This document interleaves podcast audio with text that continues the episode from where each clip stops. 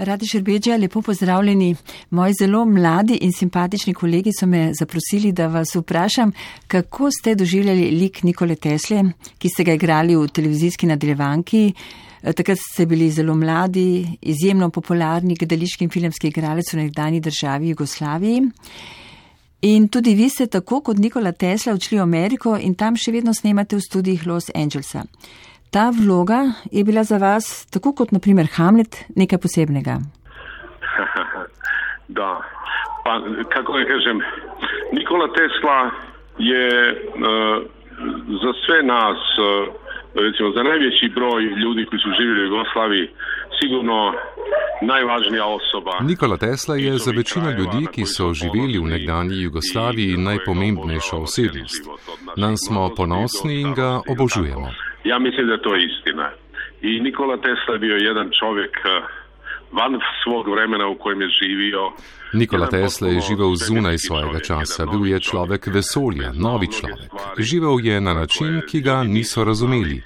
Bil je apsolutno karizmatična osebnost. način i koji je bio apsolutno jedna toliko karizmatična ličnost. Ja sam lično igrao Nikolu Teslu u TV seriji, jel? Tako da sam vrlo blizak bio si i, i dosta sam znao tih detalja o tome velikom čovjeku. Se še spominjate dramatične primere predstave Tesla v režiji Tomaža Pandurja leta 2006 na Brionih, ko je grmelo in se bliskalo, kot bi v prizoritev režiral sam Nikola Tesla? Kako ne sjećam se toga i bilo je baš uzbudljivo i sjećam se kako je taj divni pandur. Spominjam se, seveda. Tomaš Pandur je bil izjemen režiser in božanski človek.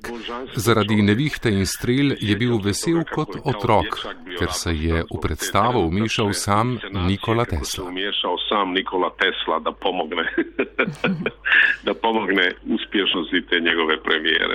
Radi Širbeđija, če se danes ozirate nazaj ob vseh teh velikih vlogah, je življenje, osebnost kot je Nikola Tesla, drugače vplivalo na vas in vsemu, kar je sledilo v vašem dramatičnem življenju?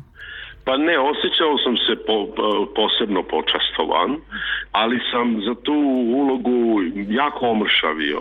V čast mi je bilo biti Tesla. Spominjam se, da sem moral močno shujšati za vlogo. Tako kot še pri nekaterih legendarnih vlogah sem bil popolnoma posvečen liku Nikole Tesle. Oslobođenje Skoplja Dušana Jovanovića. Tako neke uloge baš se sjećam da kad sam bio potpuno, potpuno posvećen liku kojih sam stvarao.